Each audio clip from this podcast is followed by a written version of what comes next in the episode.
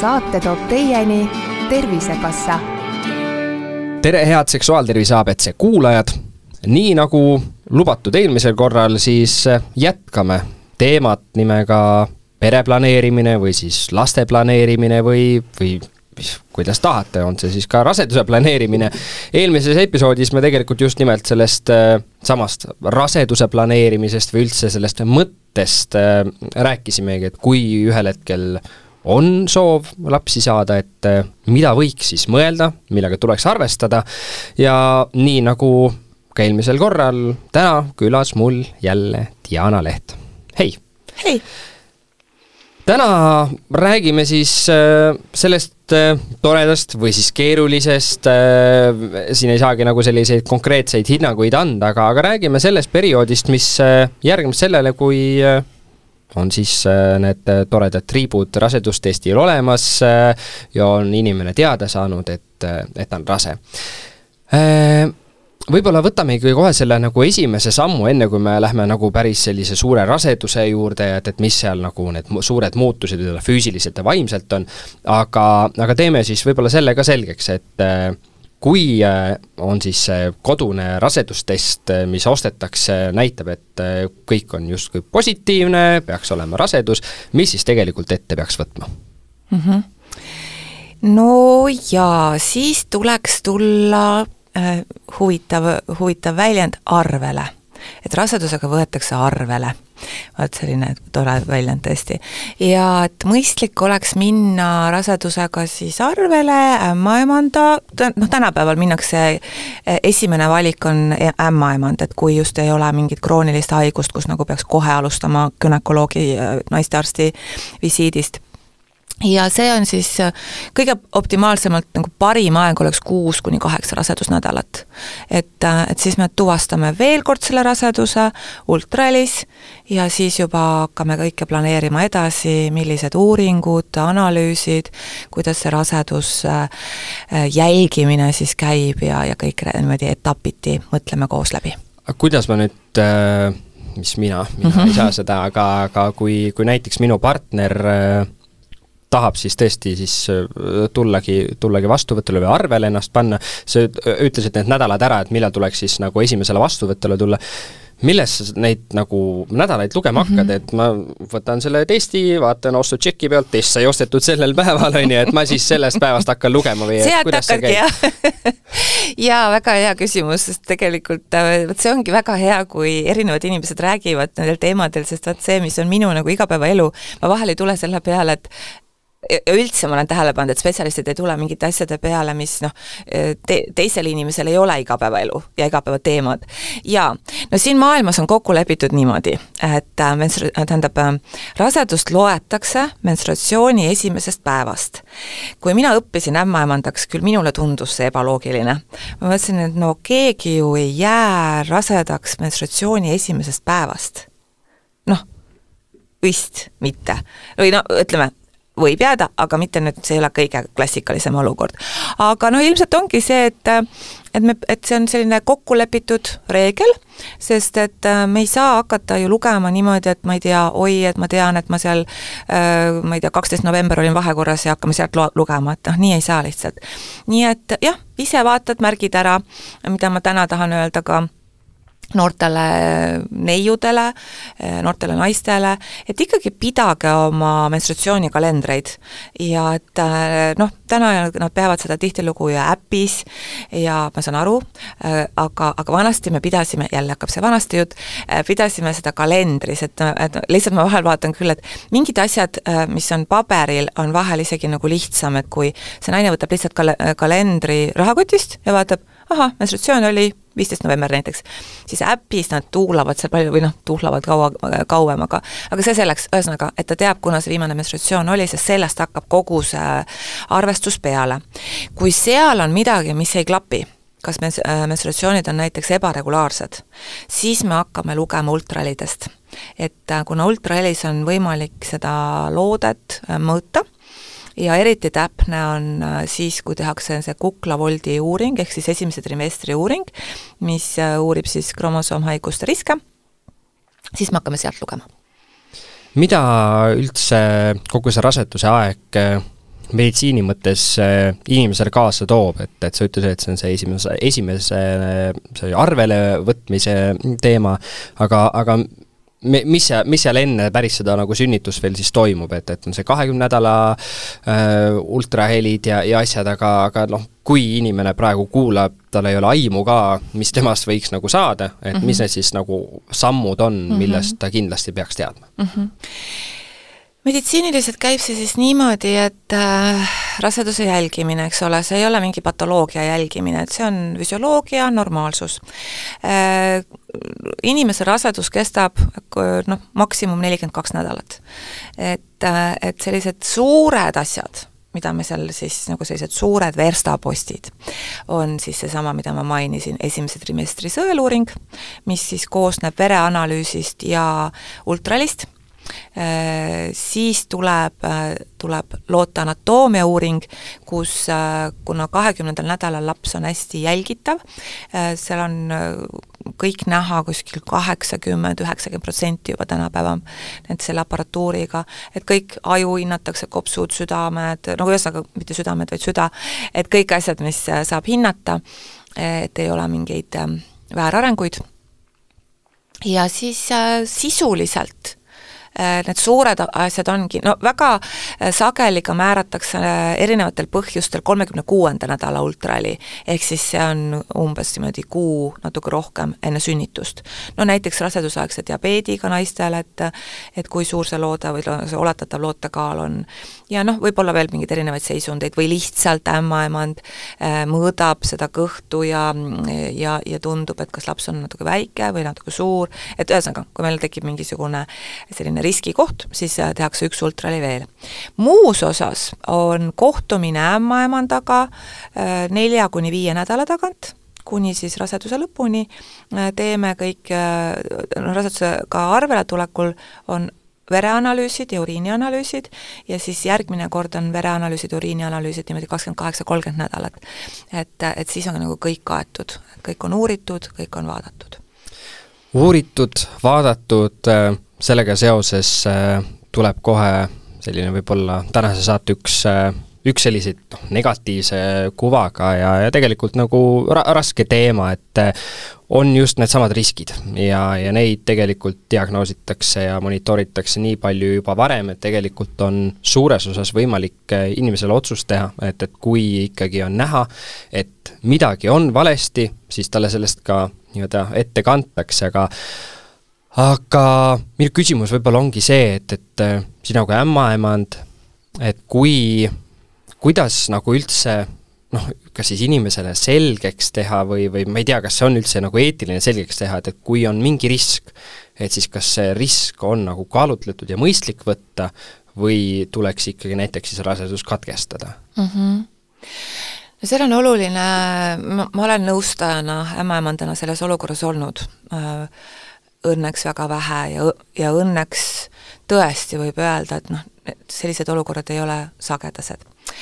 Äh, mis siis tuleb teha?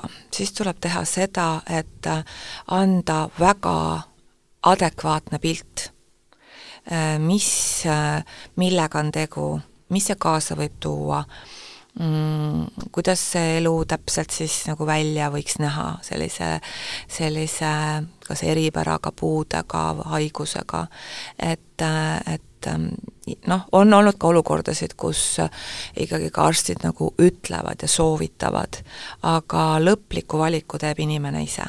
sest et näiteks mul hiljutigi oli üks rase, kes ma ühest küljest väga imetlen seda meelekindlust, kes ütles niimoodi, et ma ei soovi ühtegi uuringut, sest ükskõik, mis selle lapsega on, mina seda rasedust katkestama ei hakka ja siis on nii. et, et seda tuleb ka austada, et inimese otsust tuleb austada ja, ja, ja, ja on nagu on, aga aga, aga noh, ise lapsi kand-, kandnuna äh, mm, ikkagi nii meeste kui naiste sees on alati üks selline äh, kellel väiksem, kellel suurem mõte, kas kõik on hästi. sest et äh, paraku me kõik teame lugusid, kus kellelgi juhtus midagi, kellelgi on haige laps, äh, noh, mingid sellised kogemused, et see ikkagi vii, no viib meid ennast ka selleni, et et kuidas siis me, minu lugu on, kuidas siis meie lugu on, kuidas siis meie perekonna lugu on. et nagu ikka see selline vana hea armas lause, et äh, on, kes on, äh, siis soo, soo mõttes, et peaasi, et terve on. aga siin on ka hästi oluline kindlasti see, et üks asi on laps, aga et kas äh, lapse saamine on ka risk äh, naisele. et, äh, et tõenäoliselt ka see, sedapidi on mm -hmm. siis see otsus vahel vaja teha, et, et kui palju tegelikult või kas on üldse nagu tu-, kui palju seda tuleb ette, et tegelikult nagu justkui võiks ju olla, tulla täiesti terve laps mm, -hmm. aga kuna ema on, ema nagu tervisel on nii suur risk, et siis öeldakse, et tegelikult sa ei saa seda rasedust mm -hmm. kanda.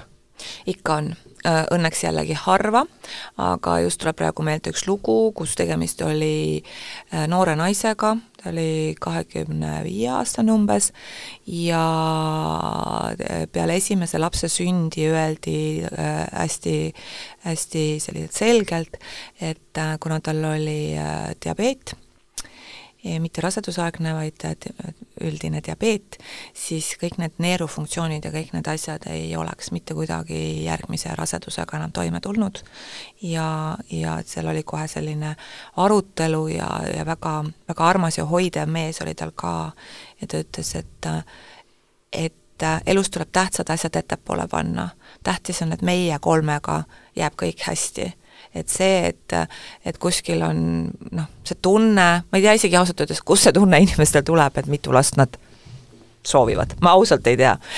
et, et, et noh, see naine ütles ka, et see kõik on ju nii armas ja et tema oleks küll kindlasti tahtnud ähm, teist last ähm, mulle tundub, et üks osa, kust see tuleb, on see, kuidas enda perekonna lugu on olnud või kuidas ise on suureks kasvatud.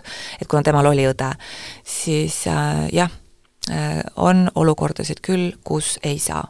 täna on ka olukord selline, kus äh, me oleme, vaata vanasti me rää-, jälle vanasti, varem rääkisime väga palju füüsilistest haigustest, noh, tõesti erinevatest mm,, aga, aga nüüd äh, üha rohkem ja mul on hea meel selle üle, et üha rohkem ja üha rohkem me tõstame teadlikkust, on ka igasugused vaimsed mm, sellised raskused või, või, või, või, või ka haigused. et, et ka seal on ju see, et, et vahel ei ole kindlasti seda vaja. tuleme nüüd selle teema juurest äh, mitu sammu siis tagasi ja, ja tuleme mitte siis võib-olla alati nagu positiivse, aga vähemalt niisuguse neutraalse teema juurde ja räägime tegelikult sellest, et äh, mis on siis äh, need füüsilised ja vaimsed muutused, mis tegelikult siis ka sellesama naise kui ka näiteks mehe puhul, äh, mehe puhul tõenäoliselt rohkem need vaimsed muutused, äh, kaasnevad siis rasedusega. et äh, võib-olla võtame kõigepealt need füüsilised aspektid ette just selle isiku osas, kes siis, kes siis on rase, et, et mida tema, esmarase näiteks, mida tema peaks siis nii-öelda teadma, mis tema kehaga muutub ja et ka mingid muutused võivad olla sellised, et ühel on, teisel ei ole, aga et kui see juhtub, et siis jumala, et noh, ei ole vaja ära ehmatada, et issand jumal, mis nüüd sai mm. -hmm. no mis siis muutub ja mis siis juhtub, no mm, kõik. kõik, tõesti absoluutselt kõik. et äh, no mina ütlen selle kohta seda, et me ei kanna seda last ainult enda kõhus Äh, me kanname teda oma peas ja südames igal pool, me hakkame sellega ikka nagu tohutult tegelema, kes jälle rohkem, kes vähem, aga et mis siis nüüd saab, kuidas see kõik on. ja ja vahel ütlevad mulle joogas naised nii armsasti, mulle teeb see nalja heas mõttes, et äh, et nii imelikult kergesti on see rasedus läinud, et ma ootasin hullemat, siis ma mõtlen, et miks te, miks te ootate hullemat, et et tead, osad tegelikult ei tunnegi, et nad väga rasedad on. Ja jälle teistel on niimoodi, et umbes äh, nii, kui menstratsioon ära jäi, hakkasid kõik need muutused peale äh,, ma ei tea, söögiisu muutused, joogiisu muutused, no muidugi see lõputult äh, kirjeldatud iiveldamine noh, ka oksendamine, äh, väsimus, äh, rasedusega tegelikult senikaua, kui keha ja kõik mm, kohaneb rasedusega, siis esimesed kaksteist nädalat võib olla väga palju sellist ma ei tea, miks ma olen väsinud. et inimesed, kui nad ei tea sellest, siis vahel tulevad ka rasedad, ütlevad, et määrake mul vitamiinid või mul on midagi viga ja ma ütlen, et jaa, teil ei ole viga, aga te olete rase. et, et väsimus ja, ja, ja, ja, ja siis unisus et väsimus ja unisus võivad vaata veel erinevad olla, eks ole. et, et noh, et ei teegi midagi, olen väga väsinud kogu aeg, või siis, et ma tahaks kogu aeg magada. et, et need käivad sinna sisse. võivad käida, käia, mõndadel ei ole seda. siis jälle, no siis ühel päeval hakkab ka see kõhukene kasvama ja kaalukene tulema ja selle kaaluga on tegelikult ma ei tea, sellest noh, nagu räägitakse ja nagu ei räägita. et, äh, et kuidagi, mul on ka endal vahel jäänud mulje nii naisena, ämmaemandana, emana, et, et rohkem nagu jagatakse seda positiivsust noh, tore, eks ole. et rasedustest ka positiivne, no oi kui tore ja kõik nii.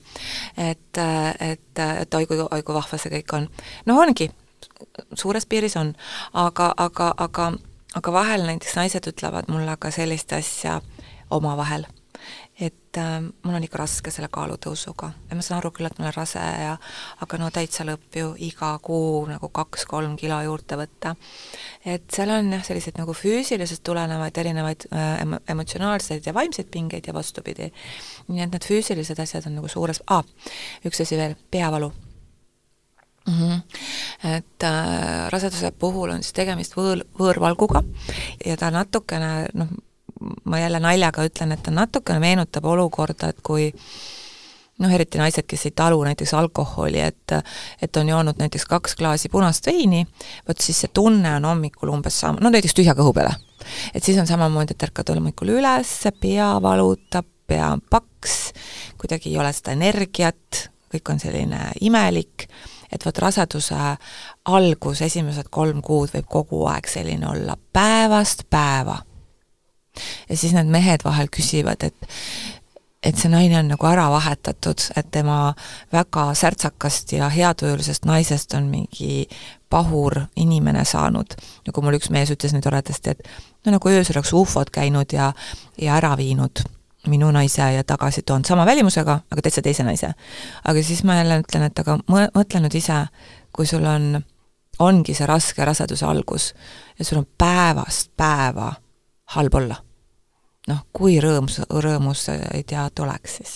ja no ühtpidi on ka see, et ega naine ei saa nagu ka valida eelnevalt, et missugune rasedus tal yeah. saab olema, kas see rasedus on noh, kõik rasedused on sellised, nagu nad alati on olnud, sest on ka ju olukordi, kus äh, öeldakse, et issand, see rasedus on olnud kõige nagu ägedam aeg üldse, et ma tunnen ennast ülihästi uh -huh. ja kõik, on ju, aga siis ongi, et sul on kõrval teine, kes ütleb, et tema esimesed kolm kuud olid niimoodi, et ta mõtles, et ei, aitab mm, -hmm. et äh, mitte kunagi enam. kas noh, kas üldse on nagu variant nagu midagi teha sinna või miks see nii on, et noh, ühel on nagu super luks ja teisel mm -hmm. on täitsa nagu mõrv põhimõtteliselt? vot ei tea, selles mõttes, et see, see on ju ka lõppkokkuvõttes, et et sul võivad olla näiteks, et kui noh, inimene otsustabki mitu last saada, siis kõik need ühe noh, tähendab, need erinevad rasedused võivad olla väga erineva tundega. võib olla nii, et mitte midagi ei tunne, võib olla nii, et täiesti lõpp on, tean isegi selliseid naisi, kus äh, näiteks esimene rasedus oli nii, et mitte midagi ei saanud aru ja neljas oli selline, et inimene tegelikult viibis pidevalt haiglas tilgutiga, sellepärast et ta ei tulnud lihtsalt kodus toime nii et ei tea, lihtsalt ei tea. üks asi, mis vist võib olla äh, ka mingisugune nüanss, on see, et millises äh, aastaajas me rasedaks jääme. see on huvitav nüanss, ma olen mõelnud. et noh, vaat kui noh, me eestlastena ju teame seda, et kui meil ikkagi jõuab see oktoober-november kätte, kus on pime ja vähe valgust ja kõik, et siis võib olla, et on nagu raskem olla, suvel võib olla näiteks kergem, et mingid sellised asjad ka. kuna me mm, biokeemiliselt muutume kogu aeg, siis ilmselt ka kuhu ma seal nagu sattunud olen öö, oma nagu selles mõttes nagu selles olekus. siis, mis me oleme tähele pannud, et öö, üldine stressitase juba enne rasedust et kui see on kõrge, siis äh, klassikaliselt on see rasedus ka raske. mitte alati, aga võimalus on. kuni selleni välja, et milline on paarisuhe, milline on toetamine, kõik asjad kokku. et, äh, et palju selliseid X-faktoreid ka enne kui me lähme selle kommunikatsiooni ja, ja paarisuhte juurde ka, siis äh, sa juba tegelikult äh, rääkisid nendest noh, lisakilode tekkimisest ja nii edasi, osadel käib see võib-olla kõver hoopis niimoodi, et alguses võetakse kõvasti alla mm -hmm. ja siis tuleb jälle juurde äh,, ja siis ma hakkasin mõtlema, et noh, et, et need inimesed ka, kellel on näiteks söömishäired eelnevalt olnud, siis nende jaoks võib see olla täiesti kohutav kogemus, aga seesama nagu tervislik toitumine selle taustal, et sul võivad olla täiesti hullumeelsed isud, et sa tegelikult ei tahagi midagi tervislikku, sa tahaksid süüa ainult mingisugust rämpsu, et äh, kuidas see nagu tervislik toitumine raseduse ajal ja kuidas nagu sellega toime tulla mm? -hmm. no see tervislik toitumine on minu arust nagu üks mingi äh, noh, igas mõttes äh, nagu üks ulmetermin mulle päriselt ka tundub, et näiteks noh, mina, kes ma olen ikka õppinud siin kõike nii kaua, no hakka, kui keegi ütleks mulle niimoodi, et no puusalt, tervislik toitumine, räägi ära, ma ei oskaks päriselt, noh, ma, ma tean mingisuguseid nüansse kindlasti väga hästi, ma nõustan toitumist lõppkokkuvõttes ju ka rasedusega seoses. aga et ähm, see on, see on, see on väga raske äh,. Minu jaoks on see raske, aga mis ma nagu naistele soovitan, on see, et teate, lugege raamatuid, lugege nendest tervislikest toitumistest, räägime sellest taldriku reeglist ja ja, ja muide, mm, on veebis saadaval äh, raseda, rasedusega ja imetamisega seotud selline toitumis PDF-is äh, raamat, mis on ta on aastaarvult üsna nagu ikka no mingi üle kümne aasta vana, aga ta on praegu ka veel kohane. et äh, mulle tundub, et väga hea plaan oleks enne raseduse planeerimist see tervislik toitumine endale selgeks teha, päriselt. ja tervisliku toidu juurde, kas klaas punast veini ka käib, ehk siis äh, liigume veel kiiresti ka selle juurde, et igasugused alkoholid, äh, suitsetamine ja muud äh, sellised pa-, pahed, kuidas nendega on? kas ka väike klaas veini ei tee hullu midagi, või, või mulle väga meeldib ja ma olen ise seda, selle pooldaja ja, ja mulle väga meeldib Eesti konservatiivsus selle koha peal, et meil on äh, rasedusega seoses, lapse ootamisega seoses nulltolerants. et äh, äh, ma tean seda, kuidas näiteks Itaalias ja Hispaanias äh, ei ole see nii. Ja aga mina mõtlen niimoodi, et äh, mm, me ei ole elus väga palju rasedad kes üks, kes kaks, kes kolm korda. et äh, see alkohol ei ole nii vajalik asi, et me ei saa nüüd see üheksa kuud või nelikümmend kaks nädalat ilma selleta toime. sellepärast, et me peame mõtlema seda, et et kui palju ta last mõjutab, me ei saa seda üleni analüüsitud, aga kui mõelda beebi maksa suuruse peale, siis äh, see on ikka väga tillukene ja tema, noh miks, kui me nüüd lihtsalt mõtleme, võib-olla see aitab äh, erinevaid inimesi ka, et kas te kujutate ette või, või, või manage endale silmade ette üks beebi, kellel on vankris äh, ühes käes klaas veini ja teises äh, suits, et noh, see ei ole ju loogiline. et üks ema ja isa ei peaks kindlasti oma last mitte ühtegi pidi riski panema ehk siis igasugused need e-sigaretid ja veipimised, et võib Kindel küll väga hea, rohkem, rohkem ei olegi vaja teile midagi selle koha, selle osas öelda, kindel ei, visake aknast välja ja tegelikult oleks üldse toredam, kui enne ärge kunagi enam ja, tegelege sellega. kasvatage last ja, ja ärge, ärge veipimisega tegelege. ja ega tegelikult ju meestele ka samamoodi või partneritele, et aga teie ka kõrval, tehke elu lihtsaks äh,, olge solidaarsed.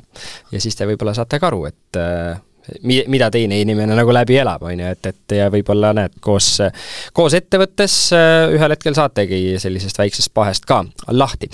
aga kommunikatsioonist ja, ja tegelikult siis paarisuhtest võiksime ka siin ju ikkagi rääkida, et, et äh, kuidas siis üldse rasedus äh, sinu hinnangul nagu kõige rohkem paarisuhet mõjutab, et mis need asjad on mm? -hmm no vot, kui me, see, mis me mainisime, need väsimused ja nagu see üleminek tegelikult, et ma väga soovitan meestel väga toetada seda.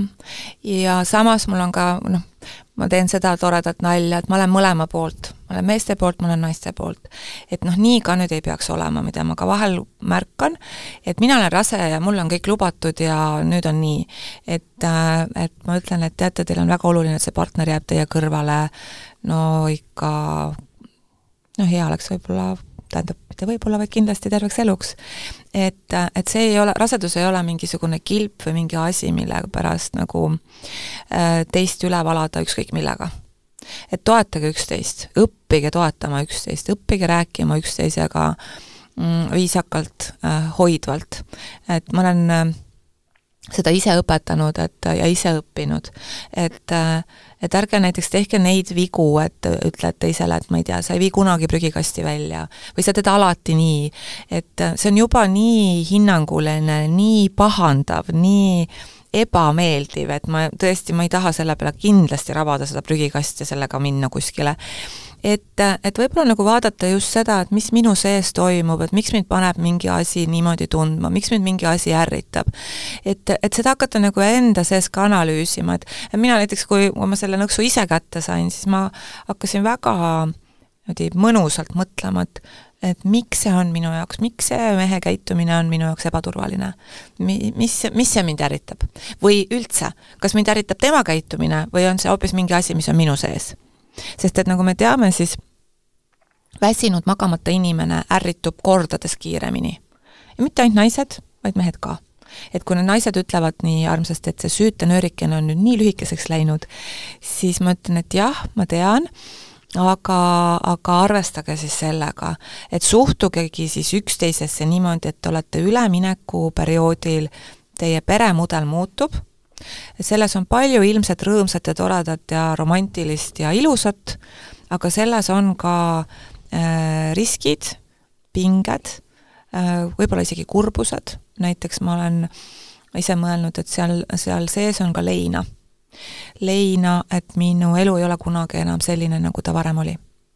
ja see ei saa mitte kunagi selliseks et, et see kõik äh, niimoodi läbi rääkides, et siis ma võtan selle vastu, ma mõistan seda, aga aga jah, et selline, selline toetamine, kiitmine, tohutult tuleb üksteist kiita. mitte ainult rasedusega, vaid muidu ka. ma mõtlen, et eh, siis ka võib-olla selline ettepanek võiks ka olla, et eh, kui see rasedus on, te teate, et ühel hetkel ju see laps ka sünnib, siis tegelikult see raseduse aeg, üheksa kuud näiteks, noh, see oleks tegelikult see aeg, kui paar peaks võtma teineteisele võimalikult palju aega, mitte ainult töötama selleks, et äh, suuri rahakuhjasid äh, kokku ajada, seda jõuab ka hiljem teha, siis kui lapsed on suured näiteks ja lapsed ei söö raha, söövad toitu, siis, äh, siis just see, et, et see üheksa kuud, mis on, et, et see on, see, see on see viimane, noh, ma ei taha öelda viimane, see mhm. kõlab mm -hmm. nagu nii kuidagi hirmutavalt, et mitte kunagi teil enam aega ei ole, aga lihtsalt see, et see üheksa kuud on see hetk, kus te olete veel kahekesi et ja. nagu kasutage see ära võimalikult palju, noh, see ei tähenda seda, et te peate sõitma kuskile soojale maale mm., aga lihtsalt see, et teil oleks enda jaoks, üksteise jaoks aega, aga ka muidugi noh, enda jaoks sõna otseses mõttes, et sest noh, lõppude lõpuks tõesti ka see, see aeg ilmselt kaob ära. absoluutselt, see on jaa, see on väga, väga ilus mõte, kui mina teen sellist ähm, kuidas ma siis ütlen, tunde kestab kolm tundi, aktiivsünnituspaaridele, kus ma tegelikult räägingi sellest hoidmisest. et see, et te teete massaaži üksteisele, noh, teen nalja, aga mul on väga tõsi taga.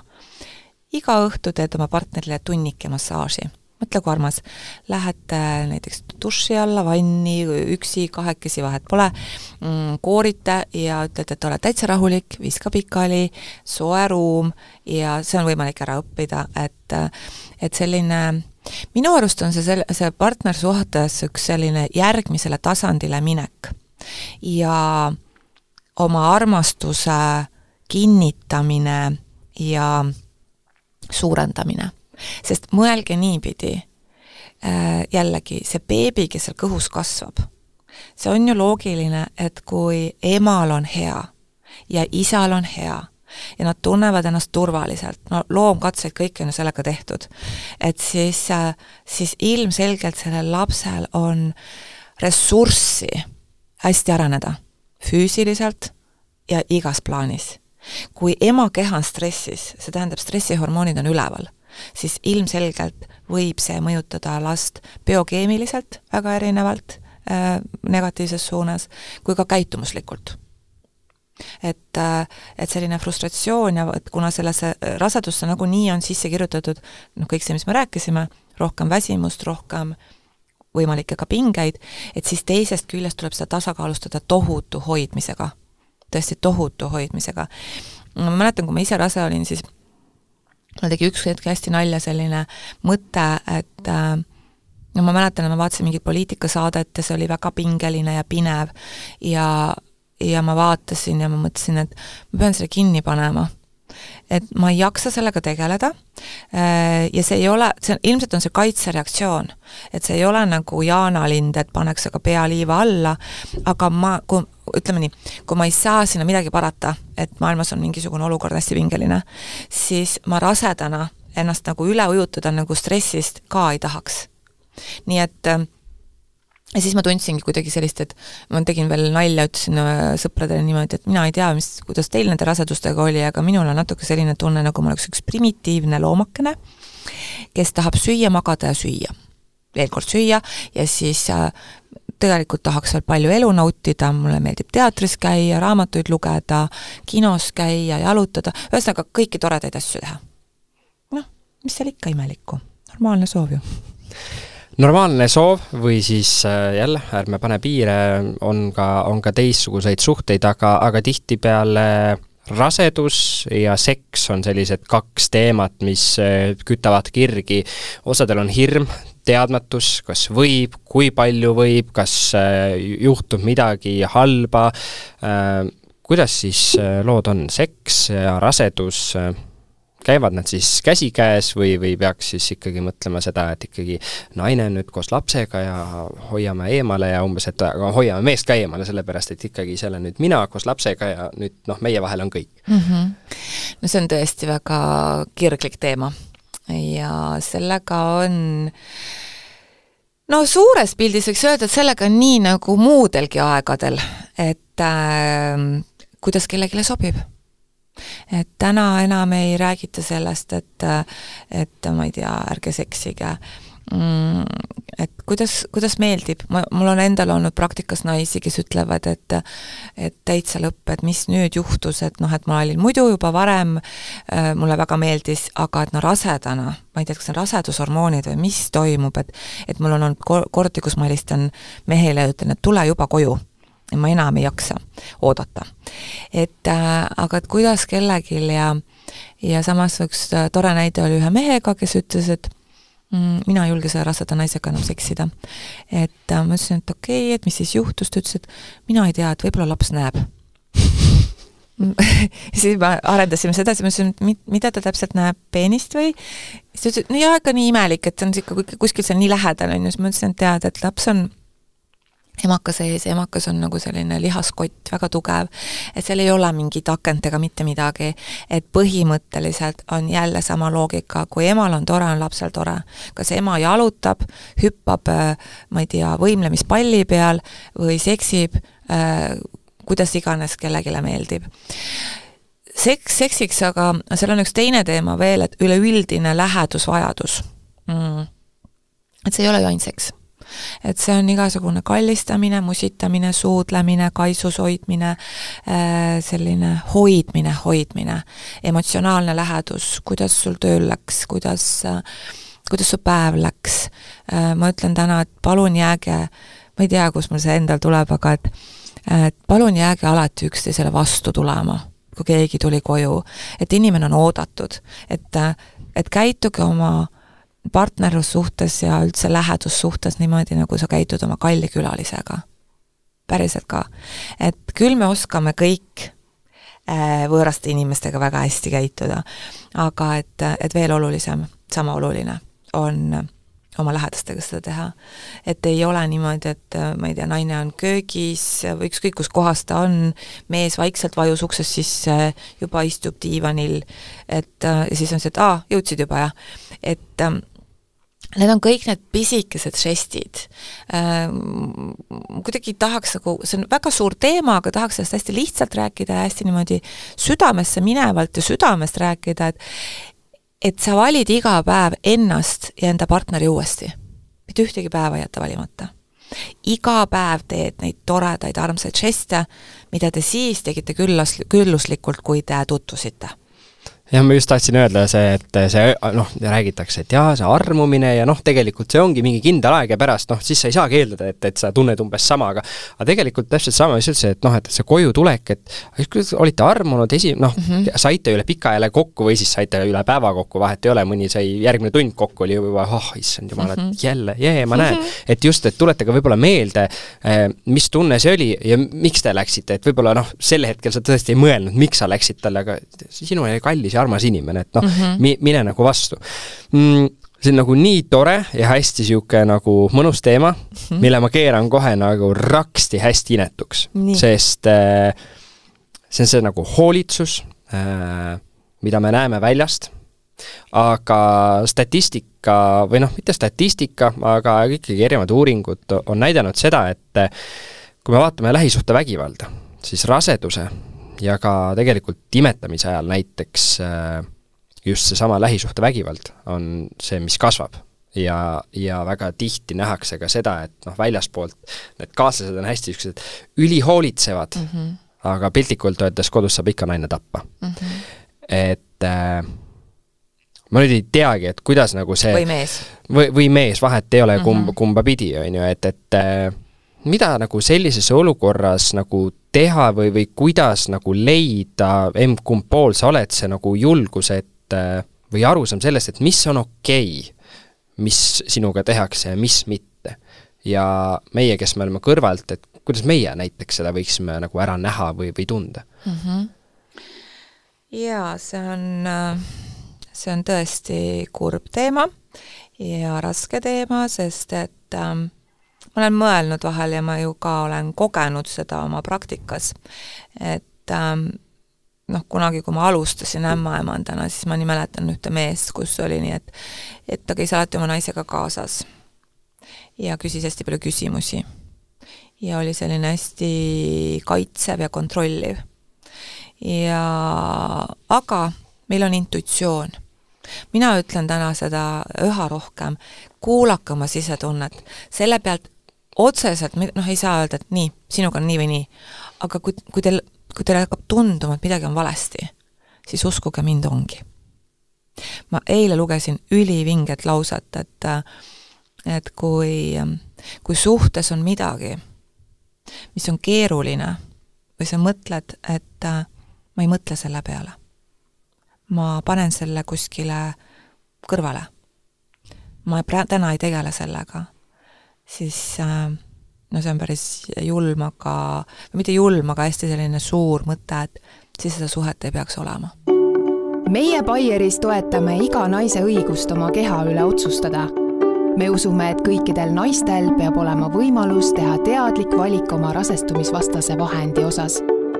vali enda jaoks parim rasestumisvastane vahend, mis toetab sind su unistuste elluviimisel. aga nüüd, kui nojah, sa selles mõttes ütlesidki nagu ära selle ühtpidi mm, -hmm. et, et mhm. tõesti, et kui sina ise selles suhtes tunned, et sulle tehakse liiga, et siis tegelikult peab olema ka noh, et seal ei saa olla nagu seda mõtet või noh, eks ikka on, aga, aga pigem peaks nagu hoiduma sellest, et noh, et ta on ju, ta ju ikkagi tegelikult hoolib ja mm, -hmm. ja mhm. siis ta ikkagi noh, meil tuleb laps ja, ja võib-olla on see, tegelikult selline käitumine ei ole aktsepteeritav mitte mingisugusel tasemel mm. et, äh, et sealt tuleb nagu, tuleb võtta ja, ja teha see otsus iseenda, lapse äh, turvalisuse mm -hmm. nagu huvides ja, ja tegelikult ka see, et kui sulle nagu kõrvalt öeldakse seda, et kuule, et see ei ole ju okei okay,, et siis võtta ja, ja minna aga noh, see, see on hästi lihtne, eks ole mm, -hmm. laua taga mikrofoni rääkida. ilus, eks ole. ilus on ju mm -hmm., võta, ole enesekindel, eriti just sellises positsioonis, kui sa oled näiteks noh, sa oledki lähisuhtevägivalla ohver mm. -hmm. Et... jaa, jaa, seda on väga see, no ma ei tea, ma isegi ei ütleks selle kohta, et seda on kerge öelda, seda ei olegi kerge öelda.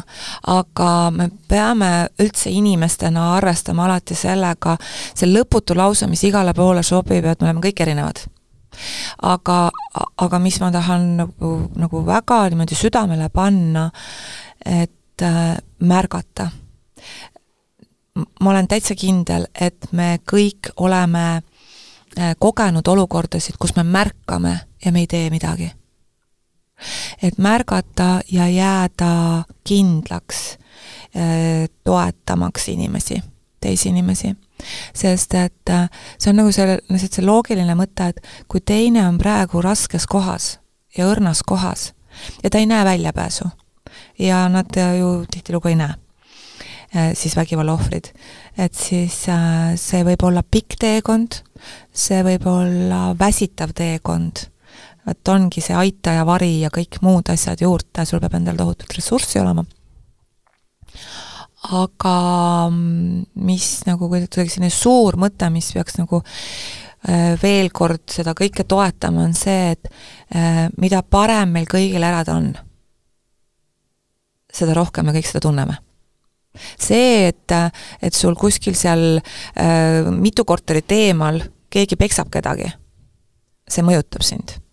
ja see ei ole mitte, et egoismist nagu, et ma aitan inimest, vaid me peame alati aitama me ei, me ei sõida ju, me ei sõida ju äh,, kuskil on avarii, mingi auto on lumme sõi- või ma ei tea, kraavi sõitnud, ma ju ei sõida edasi vilet lüües, et ma, kui sa märkad, siis sa pead aitama nii on ja see on lihtsalt inimlikkus, see on headus ja, ja, ja mis iganes abi seal on vaja, seal võib olla rahalist abi, toiduabi, riiete abi, aga need naised, kes on nendest asjadest välja tulnud, need on olemas.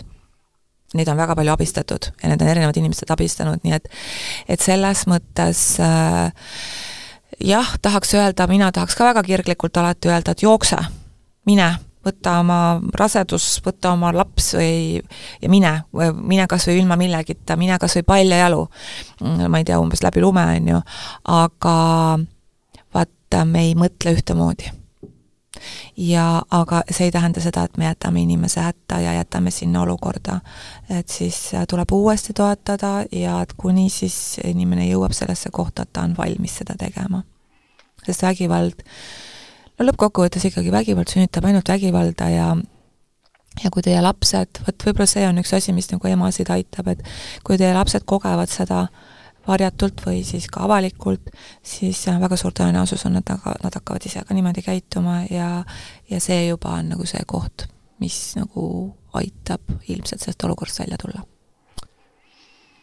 ma arvan, et nüüd äh, me oleme tänaseks vähemalt selliste võib-olla süngete teemadega äh, otsa saanud ja, ja saame nüüd edasi minna võib-olla juba sinna maale, kus siis äh, see sünnitus nii-öelda kalendris hakkab juba jõudma nagu lähemale ja, ja eks noh, eks igaüks teab, kuidas ta oma seda sünnitusplaani ja üldse asju kokku paneb, aga kuidas partnerid saavad nagu tagada selle, et, et nad oleksid nagu selle jaoks nagu ühel, ühel lainel ja, ja kas on mingisuguseid selliseid asju, mis just nagu sünnituse kui selle protsessi mõttes võiks nagu kokku leppida näiteks ja kas on mingisuguseid asju, mida saab koos teha või et kas mees saab olla näiteks kuidagi toetav sünnituse juures, et mm -hmm. räägiks natukene sellel teemal ka. jaa, saab ja kui nad on näiteks minu koolitustel käinud, siis nad ütlevad alati, kuna ma võtan kokkuvõtte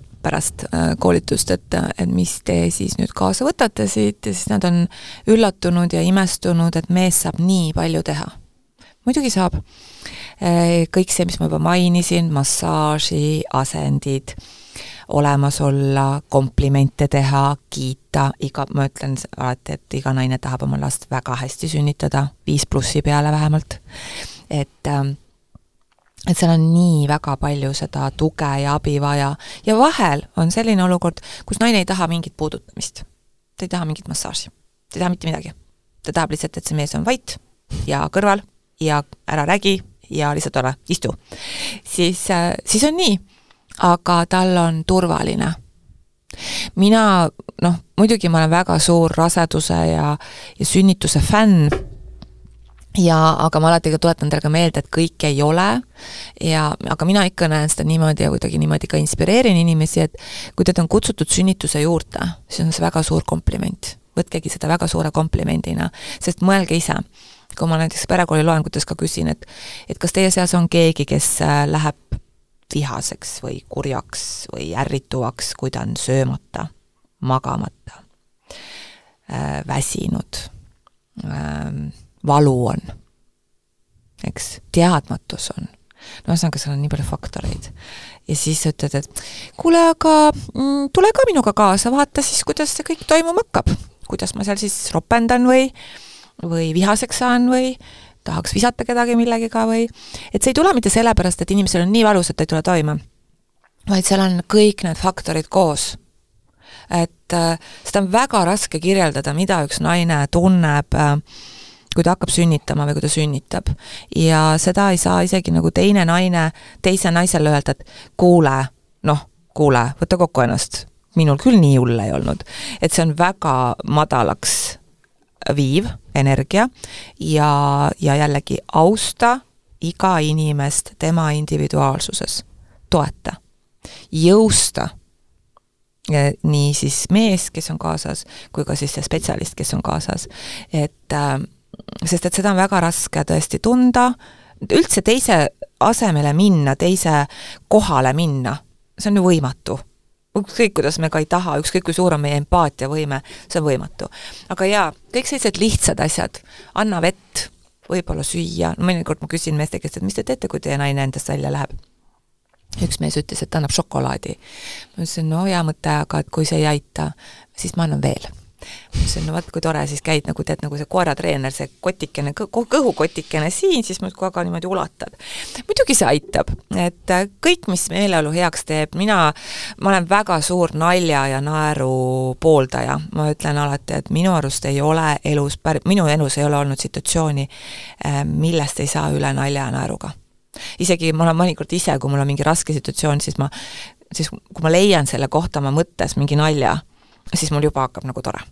et see nagu, sa nagu vabastad selle kõige ära, kõigest ära ja see on ka asi, mida ma soovitan. nali, naer sünnitusel, täiesti super. samas ütlen meestele, et kuulge, kui see teie, teie naine ei naera, te muudkui teete nalja ja ta ei naera, siis lõpetage kohe.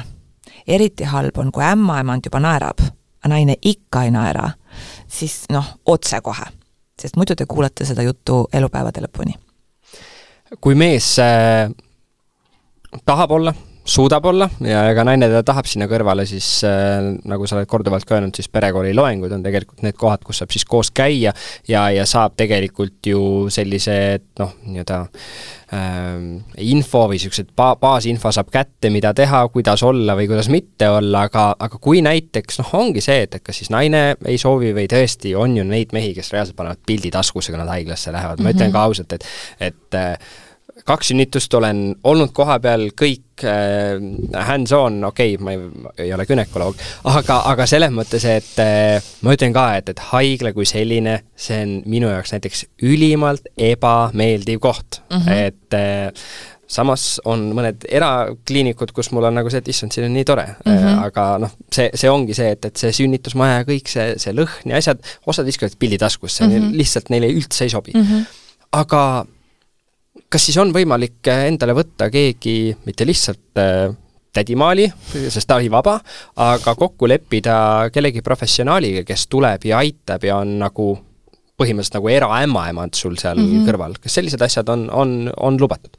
jaa, ja lubatud ja soovituslikud, et et kui rääkida, jah, et ongi siis ämmaemandad, eraämmaemanda võid võtta, tuula võid võtta tänapäeval, eks ole, sünni, sünnitoetaja mm,, mõned inimesed võtavad, ma ei tea, sõbranna, ema, ma tean ühte naist, kes läks ema ja ämmaga sünnitama, ma ei olnud nii huvitavat kombinatsiooni näinudki, et äh, kõik variandid on laual täna, selles mõttes me elame jällegi luksuslikul ajastul, et me saame niimoodi üldse minna.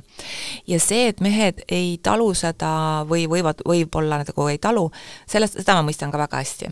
et ma ka küsin alati nendes loengutes meeste käest, et tunnetage, mis on teie tunne sest näiteks, no ma toon sellise näite, et mees, kes on olnud näiteks äh, äh, lapsena haiglas või kogenud mingit valu või mingit äh, no mingit traumat haiglaga seoses, arstidega seoses, ta keha mäletab, terve, noh, tegelikult eks ole, me ju üldse igasuguste traumadega on see asi, et me võime, me, tähendab, me võime ja ilmselt tervenemegi Mm, kas ise või, või siis ma ei tea, spetsialistide abil, aga mälestusi tavaliselt ei saa päris nagu välja lülitada. ja siis ongi, et mingid asjad trigerdavad. et ähm, et siis tunnetada ja ma ütlen alati niimoodi, et tegelikult meest, kes äh, ei taha seal kõrval olla, teda ei ole mõtet sinna tirida, päriselt ka. et me oleme natuke läinud sellega nagu teise äärmusesse, et nii tore, minge kõik ja oi, ei, ei pruugi olla. et siis on tõesti see, et võtke keegi teine, et see mees ei ole sellepärast halb isa või et see ei, tal ei jää sellepärast oma lapsega see side tekkimata, ta võib olla alati on võimalus kordades veel vingem isa, on ju. et, et see läbi hästi mõelda ja tunnetada. mida mehed äh, ütlevad äh, kes tajuvad, et nad ei taha nagu konkreetselt sünnituse juures olla, mis põhjusel, vahel ei tea, vahel teame. vahel nad tea, ise teavad nagu. et siis on ju ka see võimalus, et aga toeta seda naist sinnamaani. ja samas on see selline kaval trikk, mitte et me nagu ei äh, kavalda meest, mehega halvas mõttes, aga see, et kui ta on nagu tegelikult sinnamaani juba ära olnud, siis nad elavad sisse sellesse kõigesse ja siis nad nagu saavad hakkama toredasti. et ja siis nad võivad täitsa lõpuni välja olla. aga on võimalus ka alati minna ja, ja oodata, kuni laps ära sünnib me ei tea, miks, me kõike ei tea, inimene ise ka ei tea kõike enda kohta või vähemalt praegu ei tea või praegu ei saa seda infot kätte. nii et, et variante on niivõrd palju ja saab tagasi tulla, kui laps on sündinud, lihtsalt mis ma väga soovitan, et need esimesed hetked on üliolulised, sellepärast et äh, lapse said ju mõlemad inimesed, mitte ainult ema, vaid isa ka. et see, et oleks see nahk-naha kontakt mõlemaga ja ja selline sideme tekitamine see side tuleb läbi kallistuse ja läbi üleshoidmise ja kõik, et see nagu on hästi oluline. aga, aga muus osas, et äh, no mina ütlen ikkagi seda, et tehke, mis tahate, normaalsuse piires, et, et see, et kõik lähevad, ma lähen ka kõik lõikavad nabaväeti läbi, ma lõikan ka, et ärge minge enda vastu, sest kui te ei lähe enda vastu, siis teil on igatepidi see kogemusena parem. et, et ma võin muidugi tehniliselt kõik õigesti teha, olen lõpuni siin naise juures, masseerin, ma ei tea, mida kõike, aga ma ise ei ole rahul mul ei ole hea, mugav olla. muidugi ma võin öelda, paneme selle lapse esikohale. See, seal lähevad need prioriteedid niimoodi, laps, naine, mees. muus osas mina olen kõige tähtsam, siis tuleb minu paarisuhe ja siis tuleb laps. see ei kehti esimene aasta sellepärast et sellest saame kohe järgmises saates rääkida. just, et sest see titt on nii väike, et me mõlemad tegeleme tema elus hoidmisega reaalselt ja enda, üksteise elus hoidmisega ka, on ju. et aga, aga muus osas jah, et, et ikkagi tunnete järgi ja ja täna pakuvad nii paljud inimesed kas või sedasama tuulateenust ja ja kui ma küsin sünnitajate käest no kes on juba siis sünnitanud, et et kuidas siis oli ja läks, siis nad on väga rahul sellega, sest need naised on õppinud spetsiaalselt toetamist, miks mitte? Ja, ja, ja, ja julgustan nagu paare ka selles, et te ei pea tegema nii, nagu kõik teised teevad või kuidas teie sõbrad teevad, et valige ikkagi see oma teekond enne kui saate lõpus ma küsin ära kaks hästi spetsiifilist küsimust äh, seoses just sünnitusega, siis äh, viimane selline võib-olla laiem võib-olla ei ole ka lai, võib-olla sa ütled kohe hästi konkreetselt ära, aga kuidas selle kodusünnitusega on, osad kiidavad takka, teised ütlevad liigne risk ja üldse täielik jaburus, kuidas sellega siis lood nagu on? Mm? -hmm sellega on nagu nii ja naa, ühest küljest mulle väga meeldib ja väga romantiline tundub see kõik, aga aga mis ma tahan öelda, on see, et äh, sünnitus on pime protsess tegelikult on ta pime protsess, sellepärast et äh, jah, me kuulame last, äh, jah, me jälgime, aga seal on sekundite küsimus, kui ta, ta liigub kuidagi niimoodi, et et ma ei tea, kas nabaväetiga tekib mingi probleem või mingi probleem tekib. Haiglas on see, et sünnitusosakond on väga lähedale operatsiooniplokile ja me jõuame kiiresti ja siis on olnud ka olukordasid, kus nibin-nabin jõuame või ei jõua. ma ei ole hirmukeskne absoluutselt mitte. mulle meeldib kõik neutraal, naturaalne, neutraalne, mõnus, looduslik, loomulik ja. aga vot on üks selline faktor. ma mängisin ise kolmanda lapse puhul selle mõttega, et sünnitaks kodus. kui ma sünnitusmajas olin, see selgus, et mu laps on neli kilo, eh, noh, minu jaoks päris hea nali, mul oli ikkagi ühel hetkel tunne nagu Winny Puhh, ei edasi ega tagasi. et ähm, ma ei tea, mis ma kodus oleks teinud. et see on, meil on ürgne vägi ilmselt, jah, äh, sünnitada. aga kuidas ma seda mõõdan? kuidas ma seda tean ennem, et kui rahulik ma olen, kas ma olen rahulik, kas ma ei lähe närvi, kui tuleb mingi ootamatus, sest kui sünnitusel keegigi närvi läheb, siis see võib pärssida sünnitust, klassikaliselt pärsibki. et äh, et nii ja naa, mina ütleks täna siis niimoodi naistele, et kui sa väga-väga tunned, et sa oled sügavalt seda valmis tegema ja sul on äh, professionaalne ämmaemand kõrval ja me hindame täna ka kodusünnitusriske. Need on terved äh, tabelid ja küsimustikud, kus see naine ja, ja kõik selle raseduse ja kõigega peab seot- äh,, nagu seonduv peab olema ülikorras. Ja siis on ka risk, et me ikkagi sõidame haiglasse, on ju. et siis äh, noh, miks mitte, minu isiklik arvamus, mina täna seda enam ei teeks, aga võib ilm, ilmselt olla ka sellest, et ma tean liiga palju, mul on liiga palju kogemusi või liiga palju, mida kõike ma näinud olen ja nüüd siis äh, need kiired küsimused siia veel lõppu. Äh, üks äh, neist on see, millest me veel ei rääkinud, mõni võib-olla kuulaja mõtleb, et millal huvitav see ka tuleb, et millal siis on õige aeg ikkagi haiglasse minna? Kui mm -hmm. nagu ma peaks teadma, et no nii, et noh, liftis ei taha sünnitada, autos ei taha sünnitada, sooviksin ikkagi haiglas sünnitada mm. -hmm. no isegi kui te teate, kuna te sinna peate minema, siis ikka on juhtunud neid lifte ja autosid ka, aga äh, sünnitusi seal, aga no klassika on siis see äh,, kolm kuni viis minutit on tuhu vaheaeg tuhu on selline tunne, sest naised küsivad väga sageli, mida see tähendab. tõesti, kui sa räägid kunagi sünnitanud naisele, et siis teil tuleb tuhu, no sama hästi võid vist öelda, et siis tuleb ufo. et ähm, see on selline tunne, et äh, kui naisel, naised, kelle, kes on kogenud menstratsioonivalud, see meenutab natuke seda. et siis ärge minge nagu lukku nüüd, et appi, mul olid nii õudsad menstratsioonid, kui jube see sünnitusel on. ei, see meenutab et siis ongi kas alaselja valu, ongi natuke noh, kõik me ilmselt oleme mingitel ähm, situatsioonidel nagu seljavalu tajunud, mm, kas alaselja valu või siis nagu lööb ka siia ette kõhtu. ja ta on üsna terav äh, ja intensiivne tunne, aga mitte kohe. ta algab nagu rahulikult ja ta hakkab äh, noh, klassikaliselt nagu minema intensiivsemaks ja pikemaks, eks ole. ehk siis see vaheaeg on kolm kuni viis minutit, tuhu ise, see tunne, ka see valulikkuse tunne kestab minut. aga selline olukord peab olema kestnud tunde, mitte niimoodi, et mul oli kolm korda see olukord.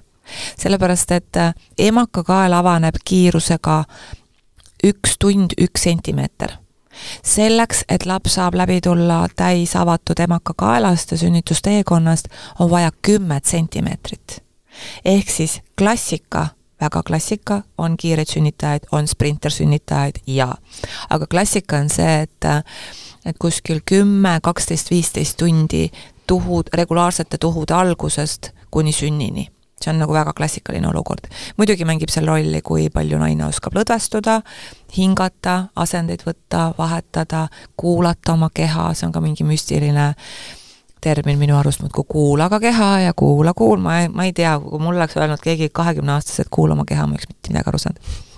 et, et, et, et niimoodi see siis on. või siis teine variant, kui tulevad veed. kui veed on selged, äh, looteveed näevad välja, noh, päris kraanivesi ei ole, aga, aga ta on selge. ta võib olla natukene roosakas, ta võib olla valkjas, äh, siis kui veed tulevad, siis sellest edasi võib veel minna kaheksa kuni kümme tundi kodus. ei ole vaja tormata, ei ole vaja kiirabit kutsuda, vanasti mina näiteks ei teadnud seda. siis, kui veed tulevad, siis igaks juhuks on üks selline ähm, ettepanek või noh, nagu soovitus, et et kui veed tulevad nii nagu kuskil Hollywoodi filmis, et niimoodi parts ja on tulnud, on ju, et siis äh, tuleb minna kuskil pooleks tunniks, tunniks pikali vaadata, kummal küljel on mugavam olla, kas paremal või vasakul, klassikaliselt on vasakul, sest lapse selg on tihtilugu vasakul, et siis äh, lihtsalt, kui vesi tuleb ja kui see emakakael peaks juba olema lahti ilma tuhudeta, ta vahel võib olla natuke lahti noh, sentimeeter kuni kaks, et siis lo-, see mm, nabaväet ei tuleks loote pea, lapse pea kõrvalt ja ei vajuks välja, see on üliraske patoloogia. et lihtsalt igaks juhuks, seda on ülivähe aga parem karta kui kahetseda, et teha see, no mis seal ikka, midagi keerulist ei ole ju, pool tundi kuni tund aega pikutad peale vette tulemist. kui veed on rohekad, pruunikad, ühesõnaga kõiki teisi värve ja mitte selged, siis tuleb haiglasse tulla kohe. Ja siia lõppu veel äh, selline küsimus, et epiduraal, kas äh, võiks osata sellist asja küsida? Ja kas äh, see on miski, mis on okei okay küsida või see tähendab seda, et nüüd ma ei ole õige naine, kui ma epiduraali kasutan sünnituse ajal? jah, seda äh, seda arvamust, viimast kindlasti, eks ole? jah, seda viimast kindlasti, nii ongi, meil on selline naistevõistlus siin käimas, et kes siis kuidas sünnitab. mida kõvemini karjud ja, ja rohkem kannatad, seda parem. jah, seda kõvem naine oled. eks ju ja no tegelikkus on niimoodi, mina ütlen ikka, et ähm, tehke, jälle, mulle ikka meeldib see mõte, tehke nagu tunnete. Et äh, meil on tõesti täna võimalus äh, valu vaigistada, põhimõtteliselt päris ära võtta, seda on ka juhtunud, et midagi ei tunne peaaegu. et äh, jälle mm,, austada naist Äh, naine ise austab ennast, teised naised austavad, teised spetsialistid austavad. me peame jällegi arvestama, et meie tajud selle kõigega väga, on väga erinevad. näiteks äh, üks selline nüanss, mida ma toon mängu, või mitte mängu, aga noh, juttu siis, on see, et näiteks äh, naised, kes on kogenud mingit laadi vägivalda, füüsilist, emotsionaalset, vaimset, siis sünnituse ajal võib Äh, erinevatel põhjustel mm, stressitase nii kõrgele minna ja valutase nii kõrgele minna. ja kuni selleni välja, et näiteks seksuaalselt väärkoheldud naised, äh, sünnitus võib olla väga traumaatiline. see kõik see tunne, kõik see, mis seal lahti hakkab rulluma, võib olla väga-väga keeruline. see ei ole alati nii, aga see võib olla. et siis ähm, epiduraali võib kasutada, äh, peab kasutama, kui inimene niimoodi tunneb. et sellist noh, no see on, ma ei tea, ma ei tea, mis eestlastel on, ma, ma kuidagi nagu aiman, et see vist on kuskilt selle, sealt tulnud, et kui ma räägin inimestega tihtilugu, no näiteks kas või palju lihtsamad valud, peavalu, äh, mõnikord naised ütlevad mulle, ei, ma rohtu ei tahaks ikka võtta. no ma ikka magan ära ja joon vett ja nii, ma ütlen, et väga tore, aga mis teil selle rohu vastu on?